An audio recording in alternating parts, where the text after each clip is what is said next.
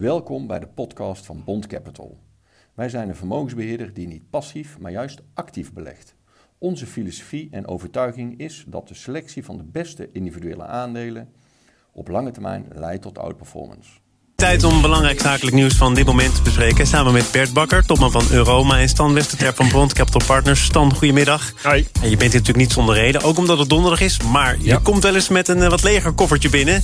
Wat veel cijfers vandaag. Oeh, ja, uh, we zitten natuurlijk midden in het cijferseizoen. En, uh, en deze dag is, uh, is geen uitzondering. Ja, we kunnen cherrypicken, Thomas. waar wil je het over hebben? Laten we een paar AIX-fondsen pakken. Nou, te, kies, kies, kies, hem, kies hem Te beginnen met de grootste stijger van vandaag. Axo Nobel staat 7% hoger. Kwamen vanochtend met hun cijfers naar buiten. ja, je voelt hem al aankomen, inflatie natuurlijk.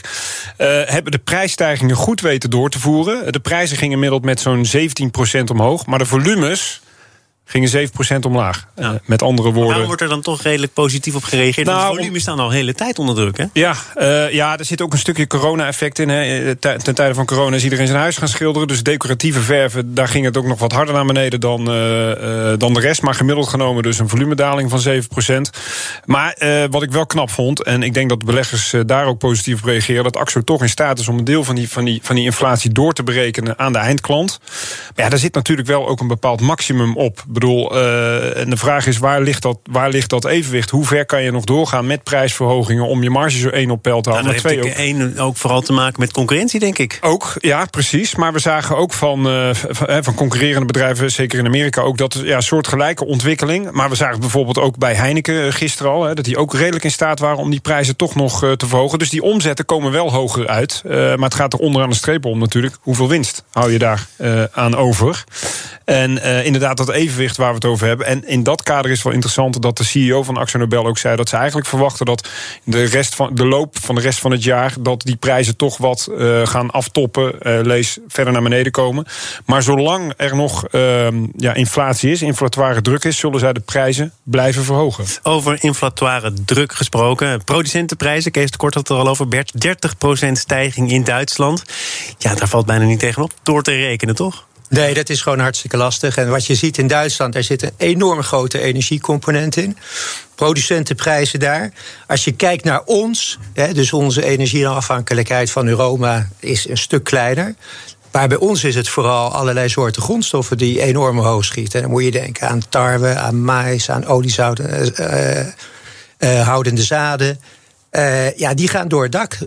Ging al door het dak voordat Rusland in de Oekraïne begon. Maar vandaag de dag nog een stuk sterker. Ja, en vandaag de dag is vandaag de dag. Maar ja. het, het oogseizoen uh, moet ook nog uh, aanbreken. Dat betekent dat je eigenlijk al vooruit kunt kijken en kunt constateren: dit wordt er niet per se beter op. Nou ja, als je het hebt over, over uh, oogseizoen of zeg maar de, de, de zaden in de grond stoppen, dat moet nu gebeuren. Ja, ja precies. En, en het window is tot begin mei.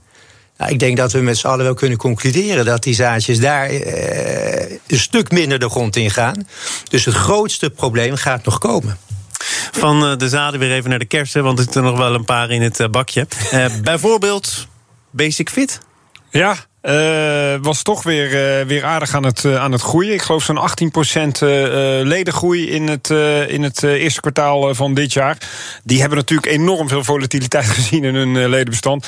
Grootste voordeel hier is dat met name Frankrijk weer, weer helemaal open is. geen beperkingen meer. En ze wachten eigenlijk nog dat ze nog een miljoen extra leden erbij gaan krijgen dit jaar. Dus, volatiliteit is natuurlijk heel mooi uitgedrukt. Ze zijn waarschijnlijk door corona zwaar getroffen. Ja, absoluut. En mensen hebben een abonnement niet verlengd, vermoedelijk. Dus wat stelt deze stijging dan voor als je het echt op de nou, merites gaat ja, beoordelen? Ik denk dat ze weer, eh, als je zeg maar kijkt van de jaren voor corona en daarna, dat ze nu weer op dat groeipunt teruggekomen zijn. En dat we nu hopende dat het corona, in ieder geval die zware lockdowns niet meer terugkeren. Dat we dus ook inderdaad uh, dat, dat stippellijntje door kunnen gaan trekken. En uh, Basic Fit, die, ja, die geven ook een vergezicht wat dat betreft. Dat ze verwachten dat ze zoveel clubs gaan openen, dat ze zoveel leden hebben op termijn. Ja, en daar kan je dan naar gaan kijken, oké, okay, wat, hoe, wat betekent dat financieel? Nou, dan, dan zit er nog best wel uh, aardig wat opwaarts potentieel. Is er voldoende geld om maar voortdurend overal en nergens clubs te blijven openen? Ja, dat is een goede vraag. Uh, want je zag inderdaad dat de cashpositie die, die daalde met, ik geloof, iets van 100 miljoen. Uh, nou hebben ze nog wel wat geld om voorlopig wat te blijven openen. Maar er komt natuurlijk inderdaad een moment dat de wal het schip keert. Uh, dus of je stopt dan met die ambitieuze groeiplannen Of je moet extra geld er vandaan halen. Dus het hangt nog wel boven de markt dat er misschien nog een keer een emissie komt uh, bij Basic Fit. Om wat extra geld op te halen om die groei te blijven faciliteren. En de groei zit met name in Frankrijk. Dat is een land wat, uh, ja, waar, uh, zeg maar de onderkant, de prijsvechters op, op de fitnessmarkten niet echt aanwezig zijn. Is ook enorm gefragmenteerd. Dus daar kan Basic Fit nog, nog heel erg hard doorgroeien. Bert, we gaan eventjes naar jouw vorige werkgever, DSM. Ook wat geld beschikbaar gekomen. Moest wel iets voor verkocht worden. Wat is er ook weer van de hand gedaan? Uh, Didema, de supersterke vezel. Voor 1,4 miljard? 1,4. Multiple ja. van iets boven de 10. Dus uh, best heel goed. Paste bij de strategie, bij het aanbrengen van focus. Want de DSM heeft gezegd, nou hier gaan we verder op inzetten... en andere zaken die niet meer tot de kern behoren, die doen we van de hand. Uh, doet het jou nog wat? Ja, nou ja, eigenlijk heel veel. Ik, DSM, een fantastisch bedrijf, met heel veel plezier gewerkt. 16 jaar lang. En DSM ooit begonnen als de staatsmijnen, eh, omgeturnd tot een chemiebedrijf. En in de jaren 90 Gisprocade gekocht eerst. Toen begin 2000 ergens uh, Roche vitamine. En vandaag de dag de één na laatste chemiedivisie afgestoten. Is er nog eentje over, Engineering Plastics. Die gaat ook, denk ik, binnenkort uh, en dan is het gewoon een uh, voedingsingrediëntenbedrijf. Oh, maar volstrekt logisch als je deze ontwikkeling schetst... dat daar dan afscheid van genomen wordt? Ja. Of gaat dat iets te makkelijk? Nee, nee, dat denk ik niet. Kijk, uiteindelijk als, als bedrijf, en zeker zo groot... als je dan kijkt, waar investeer ik dan in... dan gaat het altijd naar de activiteiten waar je focus liggen... waar de hoogste rendementen liggen. Uh, dus logisch dat het naar voedingsingrediënten gaat. Ja, zo heb ik ooit afscheid genomen van DSM. Ik werd verkocht en uh, overgenomen door private equity. Ja, dan houdt het op. Hè? Ja.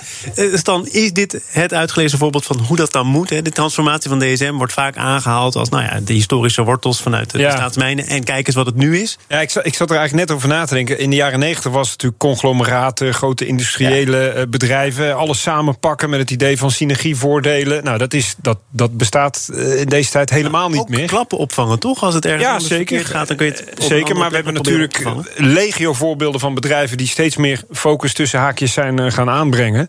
Uh, maar ik denk wel dat het logisch is, inderdaad... als je kijkt naar uh, waar ligt onze, onze grote groeipad... en waar de meeste rentabiliteit... Philips is natuurlijk ook een prachtig voorbeeld... wat in Nederland al jaren aan het focussen is. Ja, um, en hoe prachtig het op dit moment gaat bij Philips. Stan, jij wel? Oeh, nee, het is... Er zijn wat andere probleempjes, Thomas. Ja. Die hebben toch ook wel te maken met waar je op richt. Als je vooral gezondheidstechnologie aanbiedt en dat blijkt niet op orde te zijn, dan moet je wel rekening houden met de consequenties die dit kan hebben. Nou, ik denk dat zeker in de markten waarin je actief bent, heel erg goed moet nadenken: ja, wat is er nou mega belangrijk? En in dit geval natuurlijk kwaliteit. En of je nou van die gezondheidsapparaten maakt, of je maakt voedingsingrediënten of weet ik veel wat. Ja, daar moet je kwaliteit wel op orde zijn. En als ja. dat het niet is, ja. Maar er kan misschien wat meer misgaan bij slaapapneuapparaten dan bij een elektrische tandenborstel. Uh, ongetwijfeld. Dus dat heeft dan toch te maken met welke focus je aanbrengt. En de risico's die daaraan verbonden zijn? Nou ja, deel, deels ja, maar het gaat me er heel erg om van welke, welke cultuur en welke focus is er nou in het bedrijf aanwezig. Want uiteindelijk, of ik nou elektrisch tandenborstel maak van slaapapneummasker. Ja, uiteindelijk moet die kwaliteit altijd supergoed zijn. En ook zeker als je met mensen te maken hebt, de, de, de, de veiligheid en het gebruik van veiligheid van het apparaat moet gewoon super zijn. Ja, daar ben ik het helemaal mee eens. En je ziet ook, dat zijn nu wel een beetje uh, de beschuldigende geluiden richting Philips die je hoort in de top. Ze hebben veel te veel gericht op omzetgroei en, en winst maken. En als aandeelhouders klinkt dat natuurlijk fantastisch. Maar als voor de lange termijn is dat natuurlijk een hele korte termijn gedachte, om het zo maar te zeggen. Zeker als je het over gezondheid Maar wordt Philips op dit moment uh, te hard afgestraft? Want als je kijkt naar de koersontwikkeling, dan is er wel heel erg weinig Laat ik het voorbeeld van Bayer erbij pakken. Die kochten Monsanto. Hè. Uh, die hadden de, ook met de rechtszaken erbij. Dat speelt al jaren. Als je waarderingstechnisch kijkt, dan is Bayer echt zwaar ondergewaardeerd... ten opzichte van de conculega's. Voor Philips geldt dat inmiddels ook. Maar er zit zo'n onzekerheid rondom deze gezondheidsproblematiek... dat het heel moeilijk is om te zeggen... oké, wat gaat het ze uiteindelijk kosten? Niet alleen in geld, maar ook gewoon in reputatie... en, en, en in klanten en leveranciers, et cetera, et cetera. Dus heel moeilijk om daar nu een waardeoordeel over te geven. Stan Westerterp, dank voor alles waar je wel een oordeel over hebt gegeven. Er was eh, voldoende te bespreken vandaag. Tot volgende week. Zometeen... Bedankt voor het luisteren naar onze podcast. Wilt u meer weten over Bond Capital? Kijk dan op onze website www.bondcapital.nl. Indien u wilt worden gebeld, mail dan naar podcast.bondcapital.nl.